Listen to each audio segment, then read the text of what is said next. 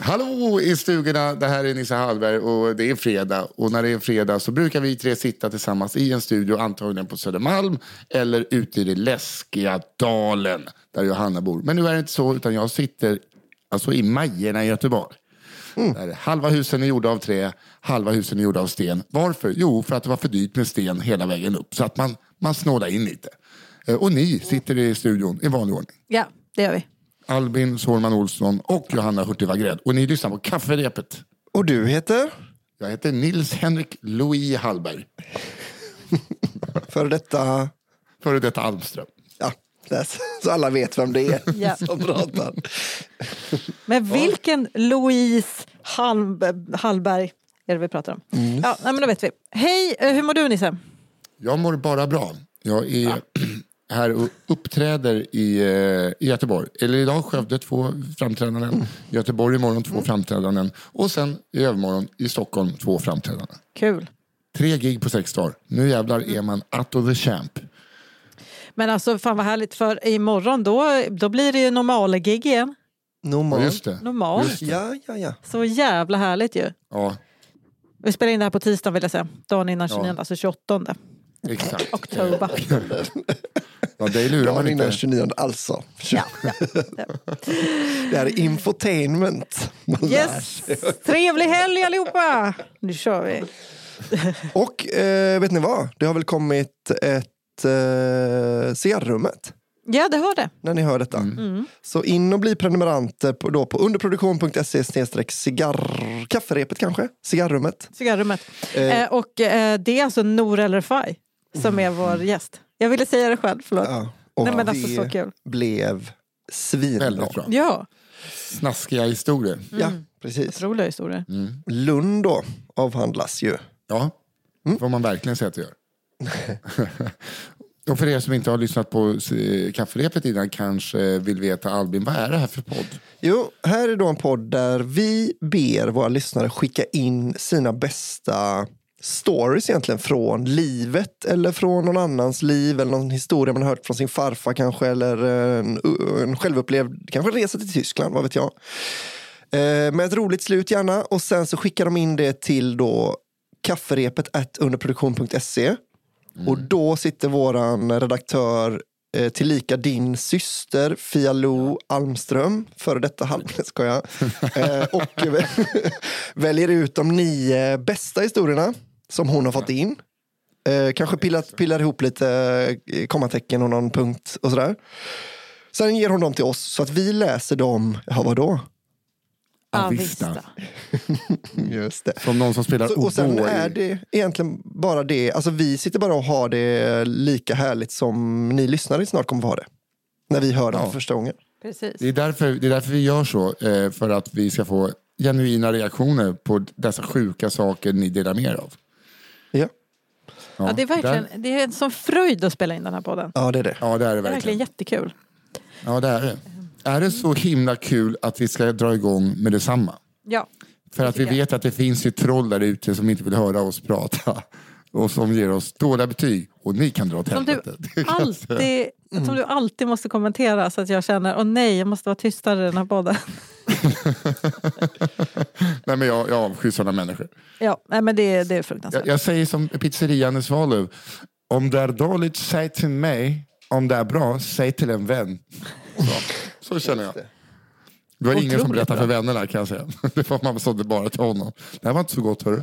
Så om ni tycker att den här podden är dålig, hör av er bara till Nisse Hallberg. Jajamän, vad ogillar. hotmail.com.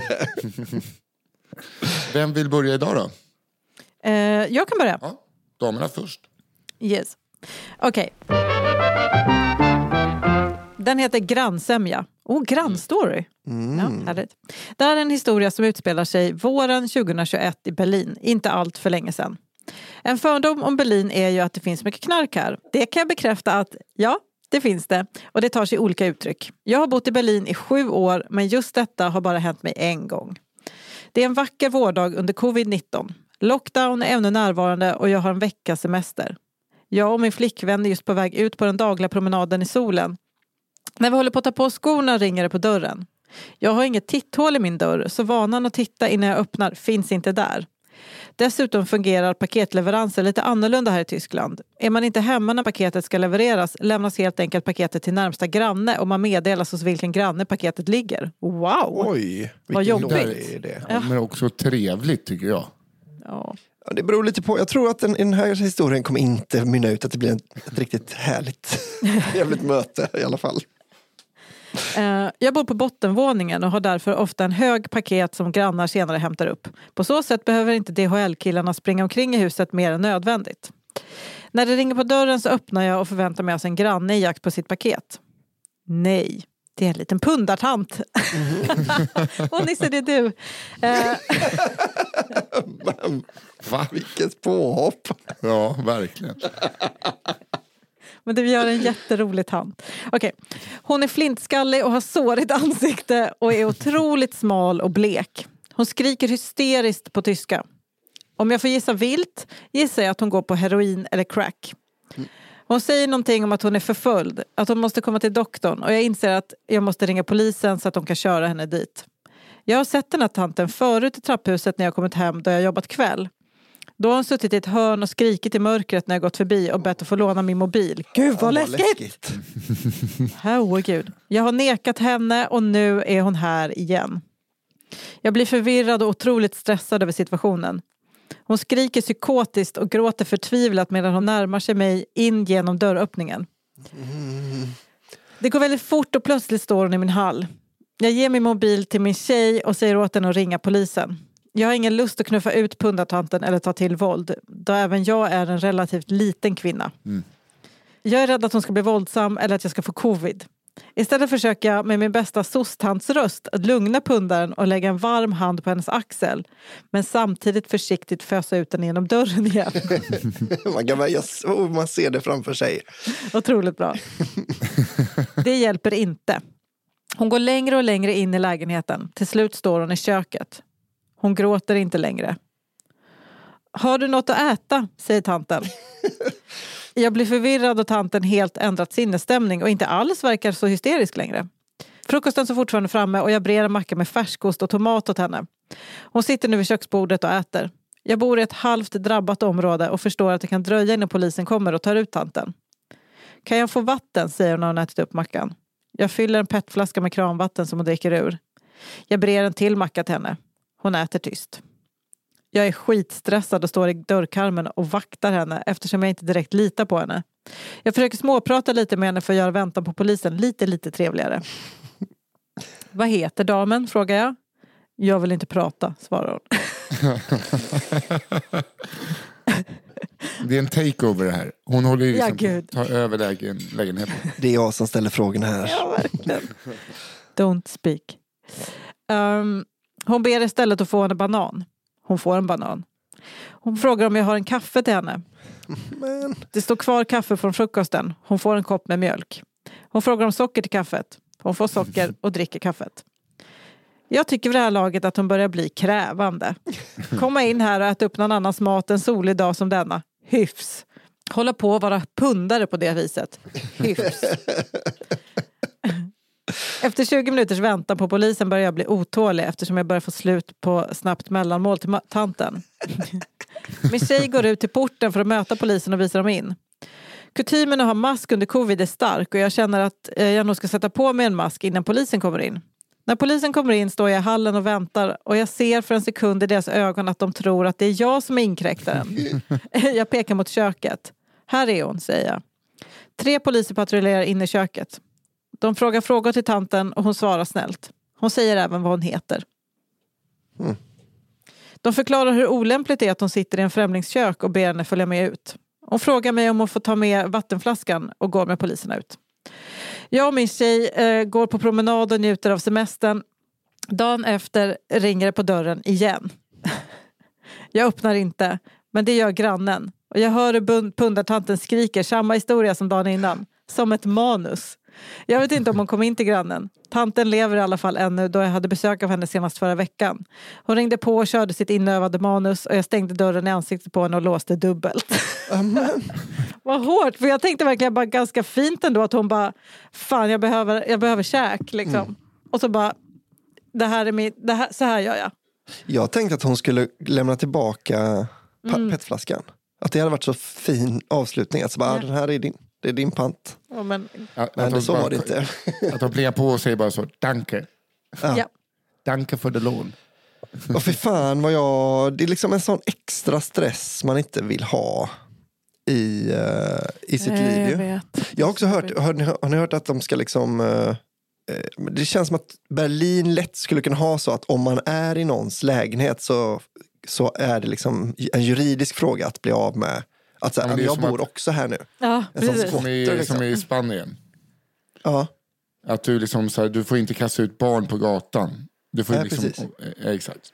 Jag har vänner som har råkat ut för det där. Så att eh, det är helt sjukt. ja. Nu är det ändå- lägenhet. Japp. ja. ja. Natten är mor. Ja, Jag hade varit livrädd för det. Och jag har också varit livrädd för att det var en pundatant. Liksom. Men eh, också för det att jag förmodligen är hemlös nu. Och tyskar. Det är Tysk mycket också. att vara rädd för. ja. Men det var en- jag gillar när det är snälla starter. Ja, det var verkligen, eh, men man, nästan så att man hoppas att hon får flytta in hos någon av grannarna. Ja, ja, kom in du. Vi Här finns mycket kaffe och mackor som helst. Ja, det är nog en liten, eh, liten sil och en kopp kaffe. Hörrni, ska jag fortsätta eller? Ja, kör Ja. du. Ja, eh, den här borde egentligen Johanna ha fått. Jaså? Fast eh, titeln, den är jag. Här kommer den. Rock'n'roll lifestyle. Denna berättelse utspelar sig i Kalmar 2010 och innehåller fem tonårspojkar som bestämt sig för att bilda band. Är det några du kan känna igen, Johanna? Nej, det här är ju liksom efter min tid. Tonårspojkar 2005. De kanske var så nyfödda när jag flyttade därifrån då. Okej, så gammal är du inte. Eh, Jo, men jag flyttade därifrån när jag var 94. Okej, Eh, så, så- Ja, men så det kan ju stämma. Kan stämma. Eh, inte helt oväntat eh, kanske, men ett misslyckat Eller var det sådant. 96 till och med jag flyttade därifrån? Jag vet inte, nu är det bara nu, nu är det, Det nu är är det en viktigt att jag säger det nu känner jag. Nej, nu, nu är det en tjej eh, som bara sa, var det tisdag? Nej, det var en onsdag. Det, var, Mm, det blev min mormor. Jag bottnar. Eh, men som sagt, inte helt oväntat, men ett ganska misslyckat rockband. Efter en tids hamrande på instrumenten och gig på ungdomsgårdar fick bandet helt plötsligt ett telefonsamtal. Hultsfred ringde. Inte festivalen dock, utan kommunen. De behövde snabbt, redan samma kväll, ett band och hade hamnat väldigt långt ner på listan över tillgängliga band. Tonåringarna sa ja och började planera sin avfärd efter skolans slut. Eh, Sångaren, som vi kan kalla Tobbe, hade nyligen tagit körkort och hade fått låna sina föräldrars bil. Det fanns dock ett problem. Tobbes flickvän skulle med, vilket gjorde att en i bandet inte kunde hänga på eftersom att den inte fått plats i bilen. Jävla Yoko Ono. Ja, vad är det för Yoko Jävla? Yoko Ono-move alltså. Vadå Tobbes tjej? Alltså då är ju hon svartsjuk. Du åker inte till Hultsfred utan att jag följer med. Jag vet hur det är i kommunhuset. Jag vet hur det är med sådana turnéer på rock'n'roll-turnéer. Eller så är det så att han är en sån där som bara kommer att skaffa fru tidigt. Han bara, vad ska Ja, jag han- göra om inte med tjejer med? Ja. Vem ska jag fråga om när jag ska gå på toa? Och tänk om, det är ingen som kommer märka att jag är hungrig. Nej, det är sant. Så kan det mycket väl vara. Eh, nej, Tänk om jag blir ledsen för något så har jag ingen att prata med. Förlåt. Jag fortsätter. Ja. När övriga i bandet ifrågasatte detta fick de svaret Grabbar, jag försöker men hon vägrar lämna framsätet. Vad ska jag göra? Det är en dålig Kalmar-dialekt jag har. Men Den är lika bra som Emil Lönneberga små, småländska. ja, hon vägrar lämna framsätet. Vad ska jag göra? Det ska tilläggas att detta var Tobbes första tjej och, som han gör i tonåren, älskade henne gränslöst och okritiskt. Jag känner inte igen det alls. Efter en kortare diskussion bestämdes det att basisten fick stanna kvar och att Tobbe fick lira bas och sjunga. Men, Efter en, ja, Men alltså de- basisten de- är väl den man byter ut eller? Jag vet ingenting om band. Jag bara, jo, alltså det är ju det, men eh, ändå. Ja, nej men det är hårt. Det är väldigt hårt. Efter en stel biltur med de tre grabbarna i baksätet tillsammans med instrumenten som inte fått plats i bagaget och en flickvän som tydligen inte kunde hjälpa till eftersom hon behövde benutrymme för att inte stelna till. Vad är det här för gammal 16-årig tjej? Jävla bitch. Ja, otroligt. Väl framme gick allt bra. Flickvännen valde att stjäla lite öl från logen eh, men försvann sedan ut för att hänga i publiken inom citationstecken. Publiken som bestod av cirka 35 personer, lärare och vad vi eh, hunnit uppfatta som en halv elevkår var ändå i gasen. Gigget gick i våra hybrisfyllda tonårshuvuden väldigt bra och det blev livat. Så livat i Tobbes huvud att han bestämde sig för att göra en stage dive. Och det här, 35 pers. ja, lärare. Otroligt. Tobbe kastade både sig själv och bas ut mot publiken som vek undan. Utom en person, Tobbes flickvän. I golvet drämde både flickvännen och Tobbe över sig med en bas i ansiktet. Vägen hem blev lång och tyst. Skadorna blev en fläskläpp, en saftig blåtyra på flickvännen och en knäckt hals på basen som tillhörde medlemmen som fått stanna hemma. Jo. Tobbe och flickvännen är inte längre tillsammans och bandet splittrades efter gymnasietiden. Ja, Alltså det är ändå kul. Det är så, för det första, tänk om han bara, du måste följa med för tänk om folkhavet viker undan. Någon måste ta... emot. Ja. ja, det är alltså, får man säga lite att man hatar hans flickvän? Får man göra det? Ja, det går bra. Ja, det får man. Jag, jag tänker att det var lite så att han bara sa du, att eh, hämnd, det är en rätt som ska serveras kall. Och nu har jag min chans. Nu ska jag hoppa i huvudet på henne med basen först. så följer hon nog inte med på nästa gig. Men tror ni att det var så att hon tjatade sig med? Alltså? Ja, Ja. det tror jag. Jag hade varit ihop med en tjej, jag vet inte om det funkar så. Det Nej, men jag tror också att det kan vara så att han lägger på henne och att han vill ha med henne. Ja, lite Så mer den får man ju. Annars är det bara att säga nej tyvärr, du får inte plats i bilen. Men såklart ni tjejer håller ihop. Ja, nej, men de är... Men å andra sidan att hon sätter, sätter sig fram, vägrar ha ett instrument i famnen. Och, eh, nej, hon har, hon har, eh, det finns en vibe här Ja. av att det här var hennes fel. Ja, Mind you, stage-diven blev mycket roligare. det känns som Ja. flickvännen i Arrested Development som ingen känner igen. Den, den bilden får jag. Ja, det är två väldigt eh, lugna, det är en väldigt lugn start här känner jag. Ja, men här kommer kanske förändringen då. Här kommer min första. Första dejten, a.k.a. gaser och bläckblås. Mhm. Där satt vi då äntligen tillsammans längst ut på piren i en mysig hamn på Österlen. Alla dessa år av sömnlösa nätter och längtan efter att få vara med just henne var kanske äntligen över. Det var vår första dejt och hittills hade allting gått förvånansvärt bra. Köttfärspajen hade blivit perfekt och vinet hade lugnat nerverna en aning. En svan gled långsamt förbi precis nedanför i det spegelblanka vattnet. Kunde det bli mer romantiskt? Jag hade kunnat betala pengar för att svanen skulle glida förbi lika vackert och smidigt som den precis gjort. Men gratis är såklart bäst. Plötsligt vände hon sig om och stirrade mig rätt in i själen. Pirret i magen blev till fyrverkerier när jag trevande tog mod till mig och lutade mig närmare henne. Hon flyttade inte på ansiktet. Jag slöt ögonen och putade lätt med läpparna och vi fördes samman precis som när en rysk protonraket fullpackad med förnödenhet dockar med rymdstationen Mir. Herregud.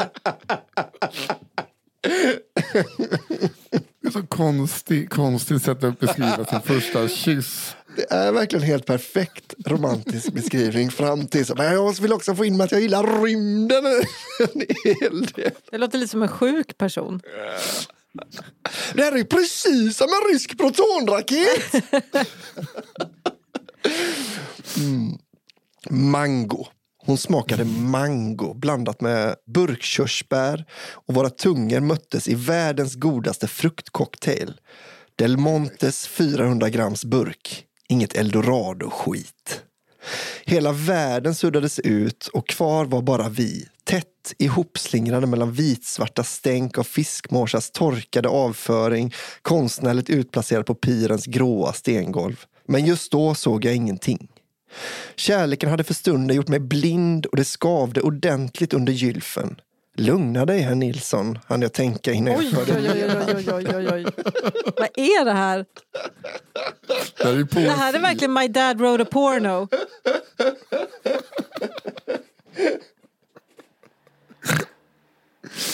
Men Alltså, Brukar ni kalla, kalla den för herr Nilsson?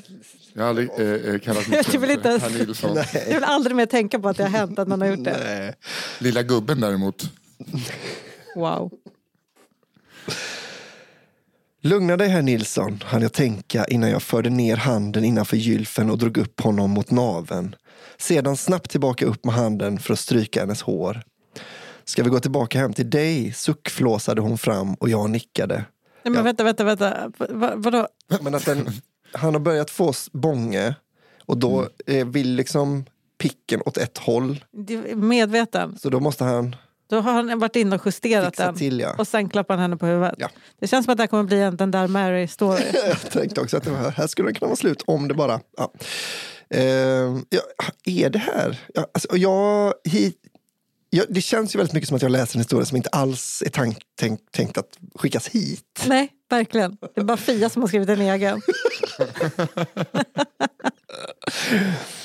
Eh, ska vi gå hem till dig? suckflåsade hon fram och jag nickade. Jag var alldeles yr och höll, höll på att nästan tappa fotfästet när vi reste oss upp igen. Vi gick tysta tillbaka mot mina föräldrars sommarhus. Min IBS-mage var spänd till bredden och jag försökte snabbt tänka ut en plan på hur jag skulle kunna lätta på trycket utan att förstöra den romantiska stämningen.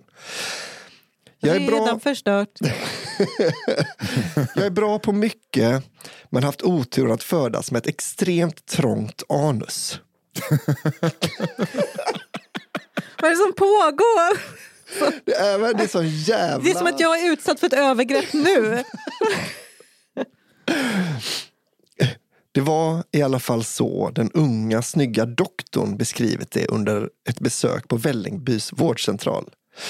Jag var där för att få en salva mot analklåda utskriven och hon frågade då snällt ifall hon fick ta en liten titt. Hon såg inget konstigt och bad då om att få föra upp ett finger och känna efter. Jag gav samtycke och hon beskrev mitt hål som extremt tajt. Efteråt berättade hon att salvan jag fått vid mitt senaste besök kunde köpas utan recept på valfritt apotek och jag hade tagit ledigt från jobbet och förlorat oskulden där bak helt i onödan. Då den del av min kropp dit solen aldrig når var formad som ett bläckblåsinstrument var smygfisar alltså inget min kropp behärskade och minsta utsläpp resulterade i en symfoni av toner som till och med Mozart hade blivit förundrad över. Hosttricket som min far vid oräkneliga gånger försökt sig på men som allt som oftast slutar med en otajmad tvåstegsraket strök jag som ett alternativ. Ska jag föreslå försten hem och låta henne springa före en bit och hoppas att ljudet färdas bakåt? Nej, jag var tvungen att komma på något bättre innan vi kom fram. Vad tänker du på nu? frågade hon med ett pillemariskt leende. Tvåstegsraketer, mumlade jag. Och hon tittade undrande på mig och sa, va? Vilken fin kväll, svarade jag med mer tyngd i rösten. Ja, verkligen, svarade hon och slog mig lite sådär busigt men löst i magen medan jag kämpade för kung och fosterland för att hålla inne en fanfar. Hon skulle bara veta att om hennes slag hade varit en decibel hårdare så hade kvällen varit helt förstörd. Jag log så gott jag kunde medan hjärnan gick på högvarv. Snilleblixten slog till. Här, ta mina nycklar och gå före, sa jag. Jag ska fixa en överraskning till dig. Hon log glatt, tog mina nycklar och skuttade iväg mot huset. Jag väntade tills hon kommit in i huset och stängt dörren. Sedan la jag mig ner på rygg i gräset. och lyfte upp knäna mot öronen och öppnade ventilen. Blommorna vissnade. Flugorna slutade surra, himlen blev rosa och ozonlagret en bra bit tunnare. Allt medan jag låg där på rygg med benen i vädret och var lyckligast i hela världen. Förlåt, Hostharkade. vet, ni, vet, ni vad, vet ni vad jag får? eh, jag får liksom en känsla. Kommer, ni vet den här P- P1-dokumentären Mans, eller Manskvällen eller vad det heter. Nej, det. Mansgruppen. Ja, men den har blivit väldigt citerad. Att de beskriver eh, liksom jag låg i hennes slak i en timme. Alltså, det, är väldigt, det är den estetiken på Ja. den här historien. Verkligen. Mm. Eh, hostharklade någon plötsligt bakom mig.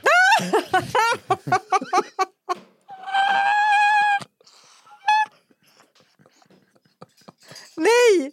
Jag vill inte vara med mer. Med ett ryck vände jag mig om, fortfarande liggandes på rygg med knäna vid öronen. Där stod hennes mamma och pappa som varit ute på en ditintills härlig kvällspromenad och fått syn, hört mig från vägen. Var är Elisabeth någonstans? frågade hennes pappa förundrat. Skulle inte ni umgås ikväll? Eh, jo, hon gick före. Jag, eh, jag, jag skulle bara eh, förbereda en eh, överraskning till henne, svarade jag med darr i rösten och nu kokande röd i ansiktet. Jaha, ja, hälsa från oss då, sa de och fortsatte sin promenad. Och jag är inte säker, men jag tyckte jag hörde hennes mamma viska Stackars Elisabeth. Jag reste mig upp och med skakiga ben roffade jag åt mig ett par blommor från grannens rabatt och gick mot huset där Elisabeth ovetandes väntade. Historien slutade dock lyckligt, men mina svärföräldrar kallar mig fortfarande trumpetan så fort de får chansen. wow! Åh gud, vad he- vilken hemsk... Alltså, jag, ehm, åh, gud. Wow, wow, wow, Jag får såna flashbacks till när jag var på ditt bröllop Albin förra sommaren. Och dagen efter så var jag så jävla bakis så jag gick och la mig alltså mitt på gräset vid ert hus för alla var inne i den här ladan. Och då bara hör jag plötsligt så här, hallå?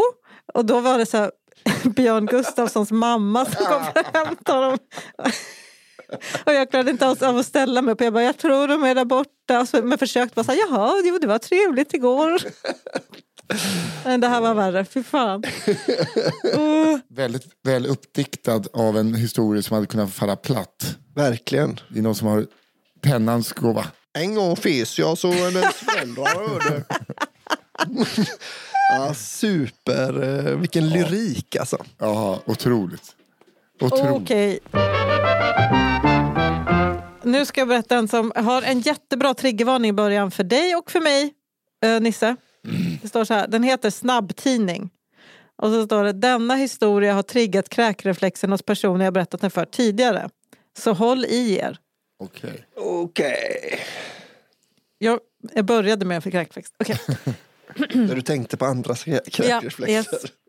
Eh, året är 2005 och jag gick sista året i gymnasiet på Katedralskolan i Växjö. Oh, där gick min stora syster. Hur som helst. Veckans lektion i biologi stundade och på schemat stod dissektion av djur. Några i klassen hade fasat inför just detta moment, andra hade längtat efter denna dag hela terminen. Vår parallellklass hade haft denna lektion veckan innan så vi visste vad som väntade oss. Klassen delades in i fyra grupper och tilldelades varsin död iller som skulle sprättas upp och undersökas. Och fy. Iller också. Skolan köpte in de döda djur som användes för undervisningen i bulk och liken förvarades i en stor frysbox uppe i biologilabbet. Lektionen började men vår lärare som vi kan kalla för Kjelle var inte på plats. Vi såg inte heller till några djurkadaver. Skönt. Vi kanske slipper den här meningslösa skiten och kan ta tidig lunch tänkte jag och mina polare. Då dundrar en andfådd och något svettig Kjelle in i salen med en plastpåse i varje hand. Ursäkta att jag är sen. Jag hade glömt ta ut de här rackarna ur frysen igår för Tina så jag fick improvisera lite under morgonen, säger Kjell och försöker hämta andan. Och då improvisera undrade vi. Har han haft ihjäl grannens katt eller tagit med sig ett roadkill till skolan? Kjelle ser att flera av oss är frågande ut så han väljer att lägga korten på bordet. Det fanns inte en chans att de skulle hinna tina tillräckligt i tid för lektionen så jag gick ner i lärarnas personalmatsal i morse och körde dem på defrost i två timmar.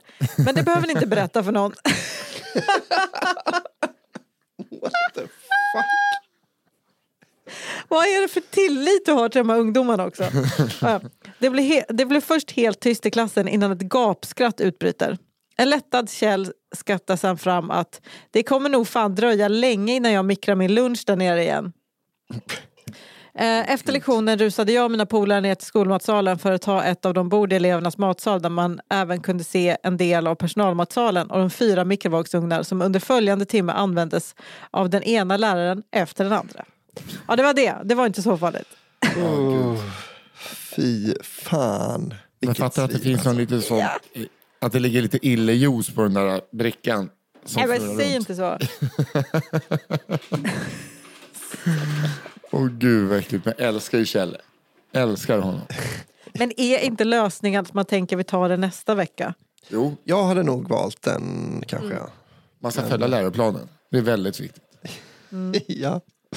Åh, Det var inte nej, första gången det hade hänt Kjelle. Nej, nej, han har tinat många, många illrar. Jag har aldrig plockat ut en iller dagen innan. Jag gör det varje gång. Okej. Jag har fått en eh, titel här, eller en rubrik som, eh, som eh, ja, jag blir nyfiken på. Här kommer den. En sexig trappa. En sexig trappa? Frågetecken. Ja, Ja. ja. exakt. Jag ska berätta om en nära vän till mig. Jag hoppas verkligen inte att han lyssnar på podden. Nåväl, jag bor ute i skogen med grannar på lagom avstånd. Och en sommarstuga tillhörande några tyskar som eh, närmaste granne. Det är bara där ett par veckor om året. Så för det mesta är det bara jag här ute. Men ibland hälsar vänner på och provar på livet, äh, provar på, äh, livet lite. Ja, livet som han lever, eller hon lever. Då. En vän är arkitekt och kan uppskatta byggnader och liknande mycket. Och jag tycker att det är kul att höra hans fascination. När han var här förra sommaren blev han speciellt förtjust i mina tyska grannars trappa. Det är en lång trappa gjort av gamla slipers, tågrälspinnarna. Det vet inte jag vad det är. Vet du vad det är för någonting? Eh, Jag ja. Tågrälspinnar? Ja, men det känns som att du vet Det måste det. vara det här träet som ligger under rälsen väl? Du vet sådana stora, riktigt besprutade oj, oj. liksom, oj. stockar. Som är, ja. Han pratade om det flera gånger och beskrev det som lite sensuellt. Ja, ja, man kan ju beskriva saker på många sätt. Det blev tidig kväll och vi drack lite vin och badade i min pool. Av den uppblåsbara sorten. När han plötsligt sa Du, eh, alltså det är något med den där trappan. Eh, är det okej om jag går iväg en stund i skogen? Förvånat svarade jag, men ja, visst. Och såg att han reste sig med halvfjång och gick iväg med en drömmande blick. Jag valde att gå in då och lämna honom i fred med vad han nu tänkte göra. När han kom tillbaka frågade jag om det var bra och han var tydligen nöjd. Dagen efter han, eh, åkte han hem och vi pratade inte mer om saken. I år kom han på besök igen. Han såg direkt på sin gamla flamma till trappa och det dröjde inte många timmar innan igen frågade om det var okej att smyga ut i skogen. Jag sa att det var okej. Men tyskarna var ju här just nu. Och att det var barn så han fick vara lite uppmärksam. Han kom tillbaka nöjd men en stund senare skulle han ut igen. Vid det här laget tyckte jag det var lite stressigt ifall någon skulle se. Jag hann dock inte tänka detta särskilt länge innan jag såg honom komma stegande med en mindre nöjd uppsyn och säga Åh nej. Vad hände frågade jag, oro för att han har skadat grannarnas barn. Det gick inte. Det satt en jävla fågel och tittade på mig. Det här är en sån konstig historia. Det här är det underligaste. Jag försökte säga att, eh, att min vän ju faktiskt gått hem till fågeln. Men han ville bestämt hävda att den kunde haft mer finkänslighet. Jag vet fortfarande inte vad fasen han gjorde i skogen. Men jag vet att jag har en fågel i min närhet som önskar att den inte heller visste. Det här är Okej, en, men- en av de Det konstigare här är den konstigaste historierna. historien någonsin. Så han har en kompis som han tror runkade åt hans trappa. Åt grannarnas och- trappa. Åt grannarnas trappa. Ja. I skogen. I Eh, skogen. och det fanns tyskar med barn. Men det var tyskarnas trappa. Ja, exakt. Tyskarnas trappa. Och de hade barn. Och sen kom det in en fågel och sen...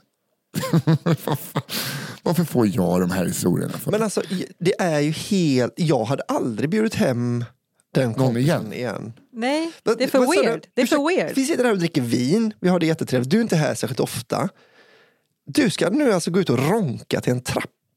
Ja. Ska, vi inte, ska du inte låta bli det bara idag? Men också ska man inte ha skammen i kroppen och vara så här, wow, det här är en weird reaktion jag har, men det kan jag lösa sen när vi har gått och lagt oss. Ja. När jag låtsas gå på toa eller whatever. Ta ett jävla kort. Ta med det kortet hem. alltså, du behöver liksom inte... Men vissa människor måste verkligen lära sig skämmas mer över sig själva. Verkligen. Mm. Och, och det här med att han, ja, men han är arkitekt. Men han är Ja. Ja, det spelar ingen roll. Det är By, för fan en trapp. nej, men också byt jobb. Nej, men det är Jobba väl med, liksom om du är så äcklig med olika byggnader, Ja. byt jobb. Han jobbar väl med det han älskar i och för sig. Man, man, eh, det, det är inte okej att man förgriper sig på barn bara för att man jobbar på en förskola. Nej, precis. Exakt. jättekonstigt. Snarare Det är faktiskt- tvärtom. Ja, eller lika fel. Ja, lika Man fel kan ju säga att det är jag vilja ungefär säga. samma. Ja. Ja, det skulle man kunna säga. Att det är ett no-go hur man än vrider och vänder på det. Svårt att hitta Vilket jobb det skulle vara då. ja, det var, alltså jag är glad för den historien, men det är också... Jag det fattar känns ju fortfarande inte att vad den- jag läst. Nej, men jag älskar att man kan hamna på det konstigaste stället någonsin i den här podden. Men, men man vet inte vad man ska göra när man väl är där. Alltså jag, vill, jag, jag tycker vi ska aldrig kritisera de som skickar in, vi älskar ju dem. Ja. Men hur kan den som har skickat in det här tycka att det är konstigt att en fågel såg någonting? Nej! Alltså det är verkligen inte det som är det underliga med den här historien. Även om det också är skitweird att kompisen kommer och bara nej det gick inte, det var en fågel som tittade. Det är jättekonstigt. Ja, men precis. Men det är ju, Allt med den kompisen är bisarrt. Så jag förstår om det har hänt så känner man att jag måste också berätta det här. ja, För det var också jättekonstigt. ja, precis ja. Jo, men det är ändå konstigt på det här sättet att liksom Peter Sipen helt plötsligt skulle vara så, göra någonting lite konstigt. Du menar alltså den gången han kommer ut i helt vanliga kläder och en cowboyhatt, det är inte då vi ska reagera? Nej, precis. Utan det är när han... Det är när han kommer du- på en långbord och i helt ros, realrosa dräkt. Ja, och så pärlor i flätorna och sånt. Mm. Det, ja. Hjälparen Joel. Okej. Restaurangbranschen. Denna outtömliga källa till karaktärer. För cirka tio år sedan så jobbade jag på en restaurang som kock. En annan restaurang i koncernen hade drabbats av plötslig personalbrist så jag behövde rycka in i köket på systerkrogen och hjälpa till. Det var ett stort manfall så med mig i köket fanns en inhyrd kille vid namn Joel som skulle hjälpa mig med lättare sysslor. Joel var en trevlig prick och vi kom bra överens. Politiskt stod han långt till vänster, vilket han inte var sen att påpeka. Själv brukar jag kalla mig demokratisk socialist. Du, själv brukar jag kalla mig demokratisk socialist. Ja, liksom, man behöver väl inte säga att man är en demokratisk socialist, eller? Han vill inte säga socialdemokrat. Joel skulle nog kalla sig autonom vänster. Ma- Man kan nog ändå säga att Joel levde som han lärde. När han inte tog extra jobb på krogen så sålde han hemkört på vodkaflaskor. Han hade enligt egen utsago tiotalet restauranger som tog regelbundna beställningar av honom. Eh, Han åkte på en gammal moppe mellan jobben då han inte längre kunde planka på tunnelbanan. Det räckte med att han visade sig vid spärrarna så kom kontrollanterna. Jävla king ändå. När han kom in på jobbet en morgon såg han lite ledsen ut. Jag frågade vad som hade hänt. Han berättade att han hade träffat en trevlig kille i en bar kvällen innan. Killen hade slut på cash så Joel erbjöd honom att festa på hemkört hemma hos Joel. Sagt och gjort. Joel bjöd på sprit och Joel somnade på soffan. När han vaknade ser han att killen har stulit hans tv, stereo och allt annat av värde. Joel gaskar upp sig under dagen och kommer fram till att killen antagligen behövde grejerna bättre än vad han behövde. Eh, han hade ju i alla fall kvar sin sprillans nya soffa. Jag sov ju i den, så den kunde han inte ta. Två dagar senare kommer Joel till jobbet och ser lite besvärad ut igen. Jag frågar vad som har hänt. Joel berättar att han på vägen hem mött en hemlös kvinna. Han frågar om han fick bjuda på mat och husrum, vilket kvinnan tackar ja till. Han lagade till en brakmiddag och kvinnan åt flera portioner. Efter middagen var hon trött och han bäddade ner henne, ner henne i soffan och sa godnatt. La sig själv i sovrummet. Nej, säg inte att hon snodde din soffa nu. Nej då, men när jag väckte henne på morgonen när jag skulle gå till jobbet hade hon bajsat ner hela soffan. Hon låg i en stor pöl av diarré, bara att kassera soffan. Stort hjärta har han, men väldigt lite riskanalys. Jag Men alltså jag vill säga att jag har full respekt för den här typen av autonom vänstermänniskor. Ja. Alltså det känns så himla så här, bra, lev som du lär, då är då, all for it. Ja. Otroligt snyggt att hantera att man har blivit bestulen på allt med. eh, han behövde det nog bättre. Dagen efter vågar jag igen ta hem Mm. en okänd person Ja. som behöver mig. Och hon behövde ju honom. Ja. Det var inte hennes fel att hon råkade bajsa lite i soffan. Nej, Lite. lite är hennes fel kanske. Men... Jo, jo, eh, 100 Nästa procent. gång han tar hem någon så kan han ju ställa frågan, eh, behöver du något? Och hur är din flora? För då, Exakt. kan man ju liksom, då kan han göra kvar i sin eh, soffa utan att den har blivit nerkackad. Men visst är det underförstått när man låter någon sova hemma hos en att man också får lov att låna toaletten va? Mm. Eller blir den också stulen av den förra killen? Också En att det är som hemlös på, person kanske inte ätit flera portioner av en brakmiddag Nej visst, nej, så kan det vara. länge. nej, men också att, Men- eh, att, han, att han bara tog toasitsen och ringen som på liksom, Ja. krogar. Att de bara tagit... Men jag menar bara att man kan ju inte behandla hemlösa som djur bara för att Alltså man måste ju tänka så, ah, hon fattar väl att det är, eh, finns en toalett. Men, Ja. ja, men då kanske de inte ska bete sig som... Då ska de inte Jag bete sig som djur. Jag skojade. Jag skojade. Jag skojade. Jag skojade. Vad hård Jag försökte- stämning det blev. Ja, men hon berörd. ner i hans soffa. Ja, det gjorde, Eh. gjorde hon faktiskt. Det gjorde hon faktiskt. Det ska hon ha. Eh, är det Johanna? Det är det. Och det är dags för Hillbilly Limon.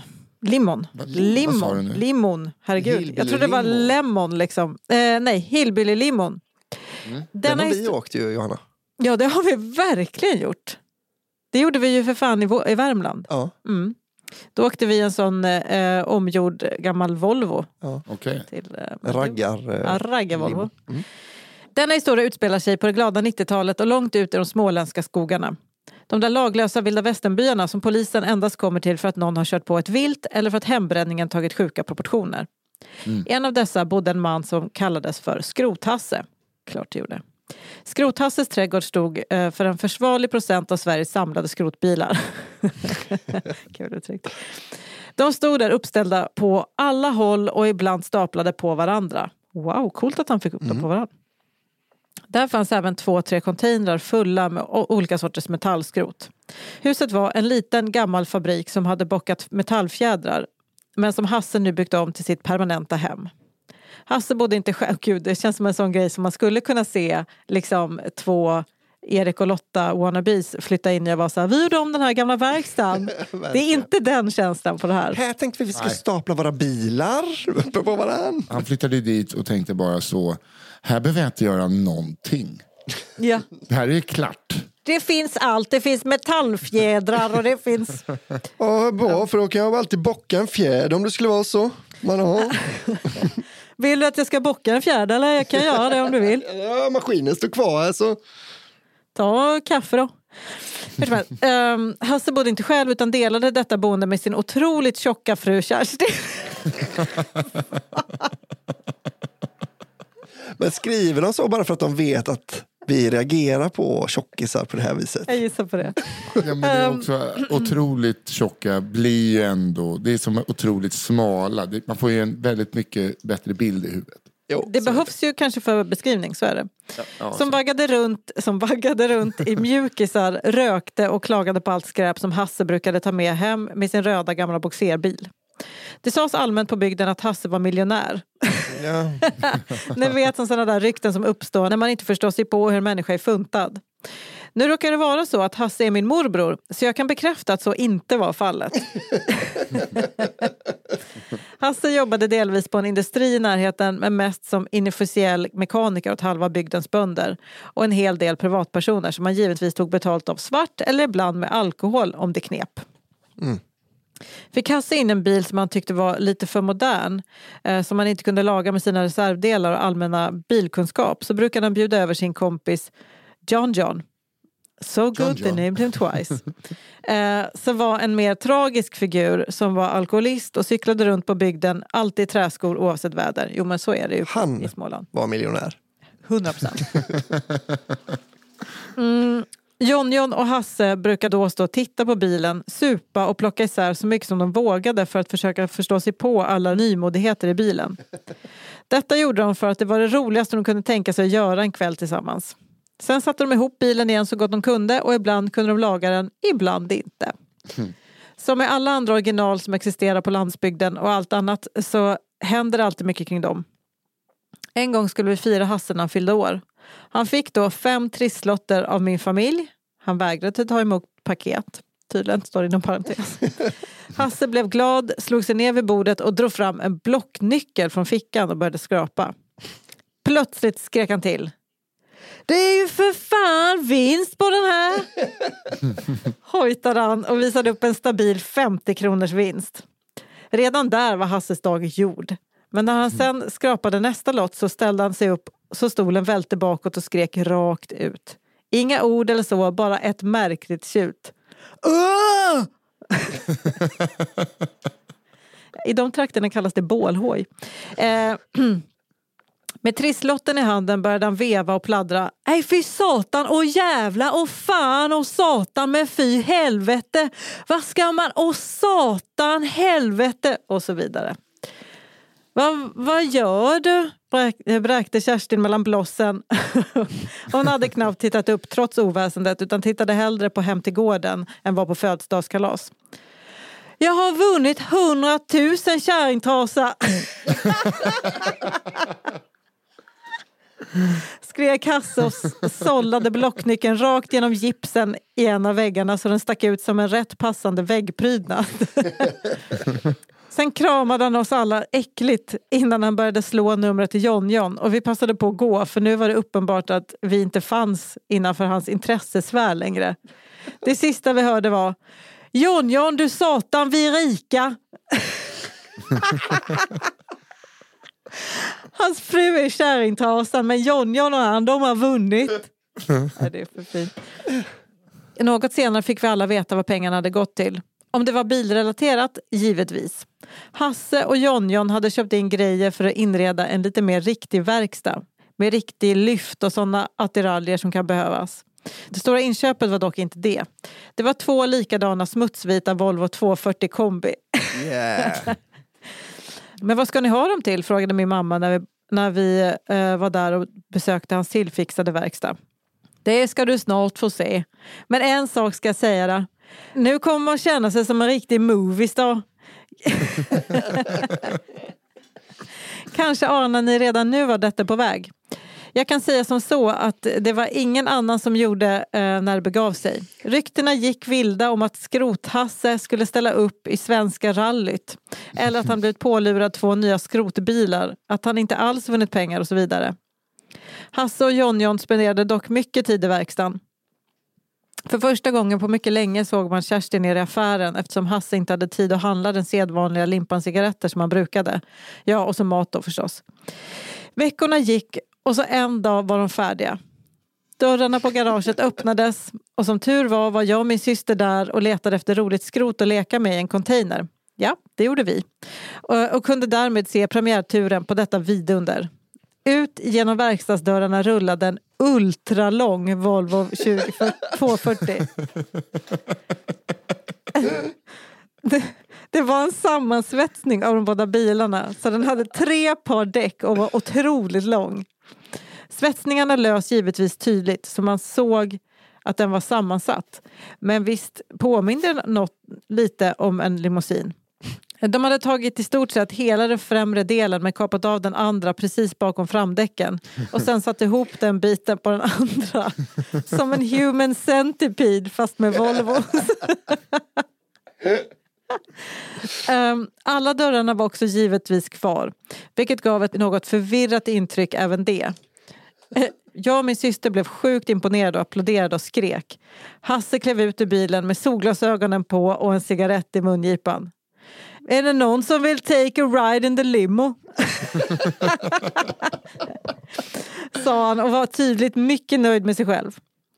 Konsekvenstänk utvecklas sent i barns liv och ännu senare på svenska landsbygden ty tycks det. För jag och min syster hoppade glatt in i baksätet på 240 limon och fick se insidan av vrålåket. Den var inte så polerad. Det mesta av inredningen saknades och plåten låg för det mesta synlig. Så att det bara var en ganska ruff korridor fram till förarstolen. Där Hasse satt vänd mot oss och log med hela ansiktet så att snusen nästan trillade ut. Häftigt va? Som att vara en moviestar, sa han och vände sig fram för att börja gasa. Eh, jag och min syster tyckte verkligen det var häftigt eh, och satt förväntansfulla med säkerhetsbälte på. Hasse hade en plan att han skulle glida runt och styla nere vid affären och visa upp sitt fantastiska bygge. Det här har jag drömt om hela livet. Sa han och växlade upp. Bilen rullade på fint och kom upp lite i hastighet. Det var ju betydligt tyngre än en vanlig Volvo så det gick tufft för motorn i uppförsbackarna. Men sakta fick Hillbilly-limon upp farten. Dock var väl Skrothasses mekanikerkunskaper i bästa fall praktiska och inte teoretiska och därmed hade han inte teoretiserat kring vad som händer i praktiken om man tar en kurva i relativt hög fart med sex däck och bilen enbart hålls samman av lite svetsning. Det gick som väntat. Likt när man drar ner en dragkedja öppnade svetsningarna mellan de båda sammansatta bilarna och helt plötsligt var den två stycken igen. Jag och min syster skrek. Vår del hade ju bara två däck där vi satt på framänden och den dunkade i marken så gnistorna sprutade. På något mystiskt sätt stannade vi eh, utan mer skador än lite blåmärken där bältena satt.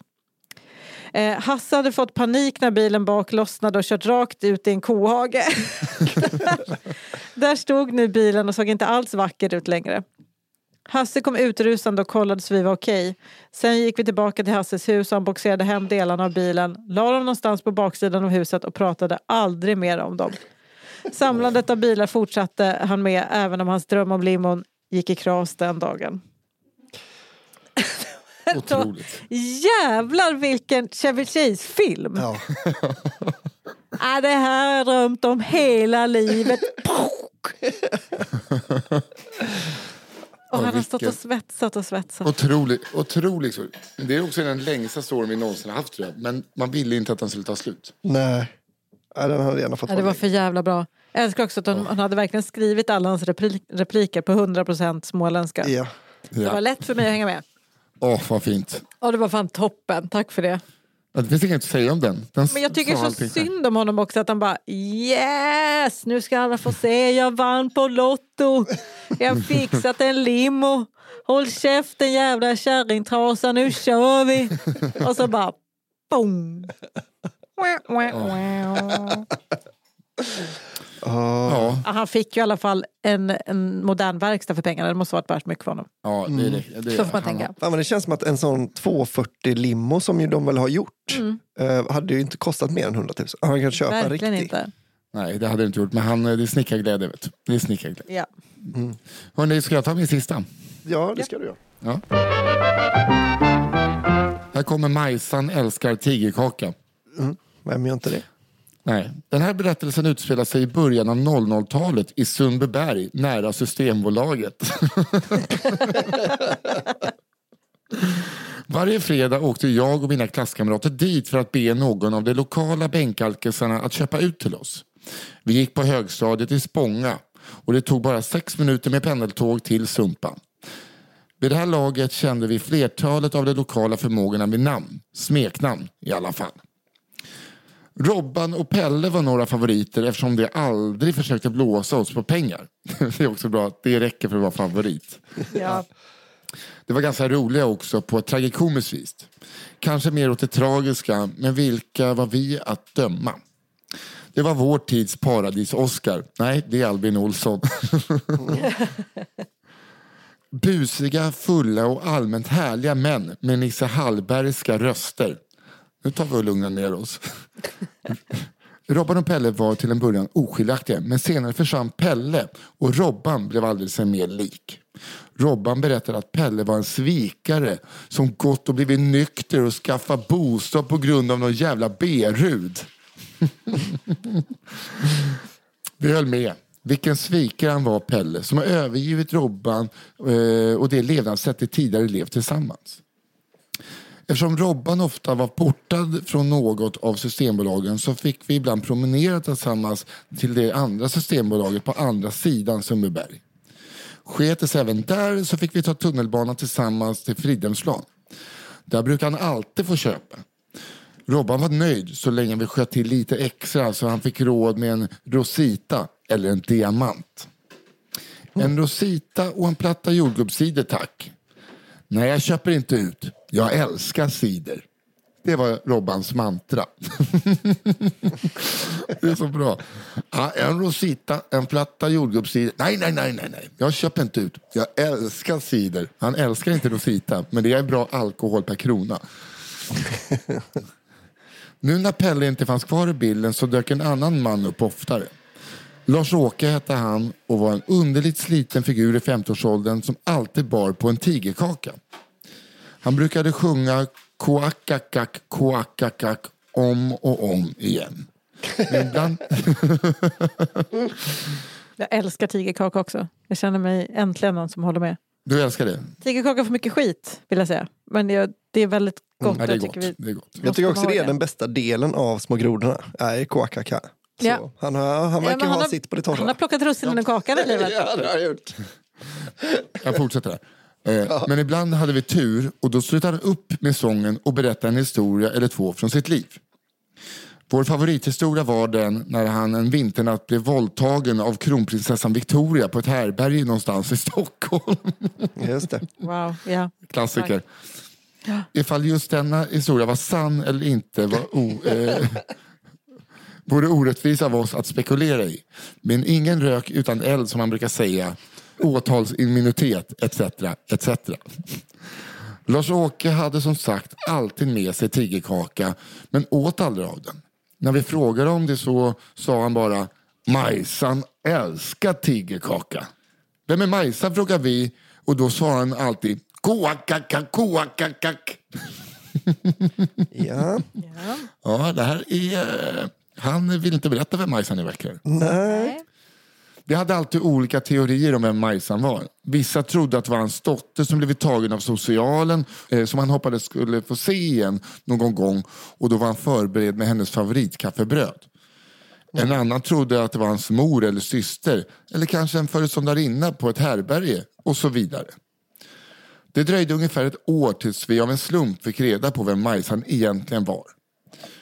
Utanför det ena systembolaget i Sumpan så var det en lite större allmän toalett som man kunde gå in i. Det brukade hänga där inne och på parkbänkarna runt det. En dag öppnade en fet, smutsig kvinna med tovigt blont hår toalettdörren på glänt och sa med bestämd rostlig röst Nästa! Lars-Åke reste sig då glatt upp och gick mot toalettdörren. Räckte fram en tigerkaka med ena handen samtidigt som han drog ner gylfen med den andra. Det fick en mörk vändning. Väldigt mörk vändning. Jag Lite trodde kanske att... Once upon a time in Sumpan. Har ni sett Once upon a time in America? Nej. Jo, är det då en, en tjej som, eh, hon, alltså när de är barn då, så visar hon väl eh, fittan kanske för en gräddbakelse. Och sen så å- Ah. typ, åker de in i fängelse. Så när de är vuxna så är hon ju då smällfet och jobbar som prostituerad. det ska vara som ett kul skämt då att hon bara trycker i sig gräddbakelser hela tiden. jag tänkte ju att det kanske var några änder vid dammen. Ja, jag. eller jag typ tänkte att det var en groda. groda. Ja. Men det är kul att han kallar henne, eller att hon, han menar att hon var en padda då eller? Jag har, ing, jag har ingen aning. Jag, har ingen aning. jag Det vill inte mest- spekulera i det. Jag, jag tycker synd om Majsan. Ja, det tycker jag man kan göra. Men det är också... Ja, jag fick eh, vara Tigerkaka är mörker. ju väldigt gott. Det är- Jag har något. Man får ändå... I val av kaka eh, så står jag eh, verkligen eh, på Majsans sida. Men jag Ja. hoppas att hon också hittade en B-rud och drog. Ja, verkligen. Jag tänker att man... Att vissa av hans stories verkar man kunna liksom tvivla på sanningshalten lite ändå. Ja. Men det här med att hon verkligen älskade tigerkaka, det verkar, Det vet verkar vi. ändå Det vet stämma. vi. Det verkar stämma. Nu hoppas vi att eh, Albin Olsson och veckans sista historia kan vara sluta lite med solsken. ljusare. Ja, lite solsken. Ja. Vi säger varsågod Albin Olsson. Åh, med Spårman i mitten. herregud gänget. Håll i er nu då. Ja. Seppo och Kvisten. Nu är det igång. Precis som ni misstänkte när historien om kvisten och mopedkriget berättades i er fantastiska podd så är det väl klart att det finns fler historier om denna något notoriska polis. En av de många historierna om honom vill jag minnas går ungefär så här. En dag så hade kvisten bestämt sig för att lurpassa på, på, en, på en av parkeringarna utanför en av Hallstaviks pizzerior. Det var en helt vanlig parkering Det är ett roligt sätt att beskriva en parkering tycker jag. Yeah. Förlåt.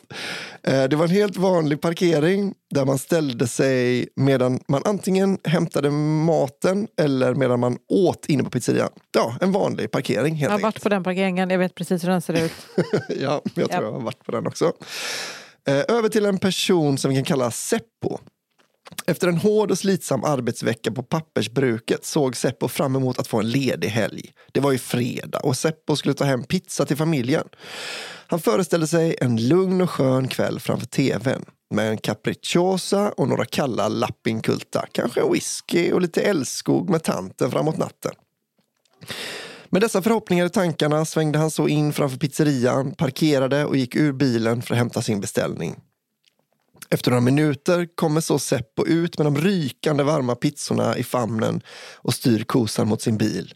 Vad får han då se?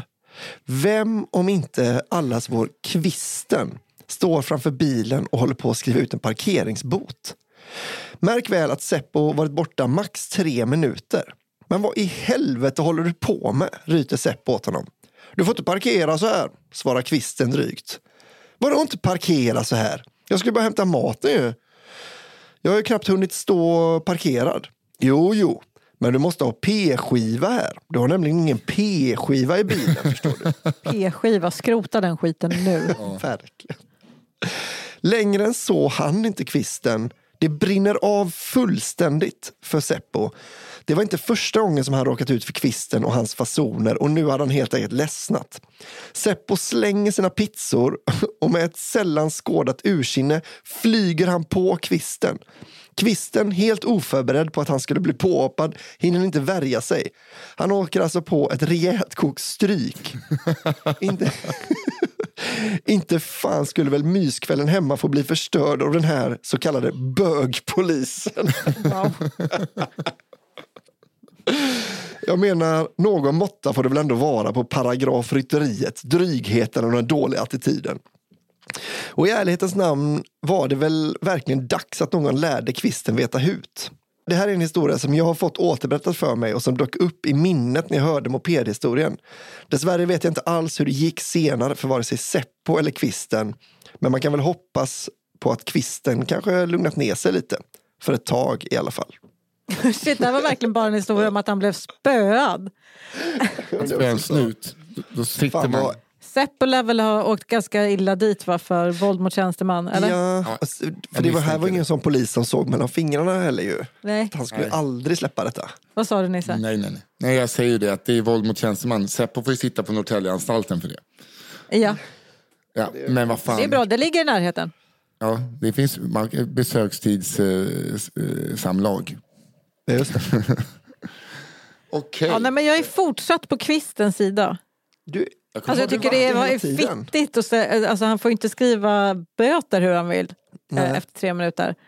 Nej. men du tycker inte han... Spöa på någon, där, eh, där, är inte, där måste man väl ändå vara på den spöades sida. Ja, men det Eller? kän, ja, absolut. Just i det här, alltså, det är ju alltid för långt att ta till våld va? Mhm. Men det känns lite som att han har samlat ihop detta. Alltså, varenda det person som bor i Hallstavik Ja. har liksom, de, de har en bägare och det behövs bara en Ja. parkeringsbot. För att den ska Verkligen. Det krävs mindre.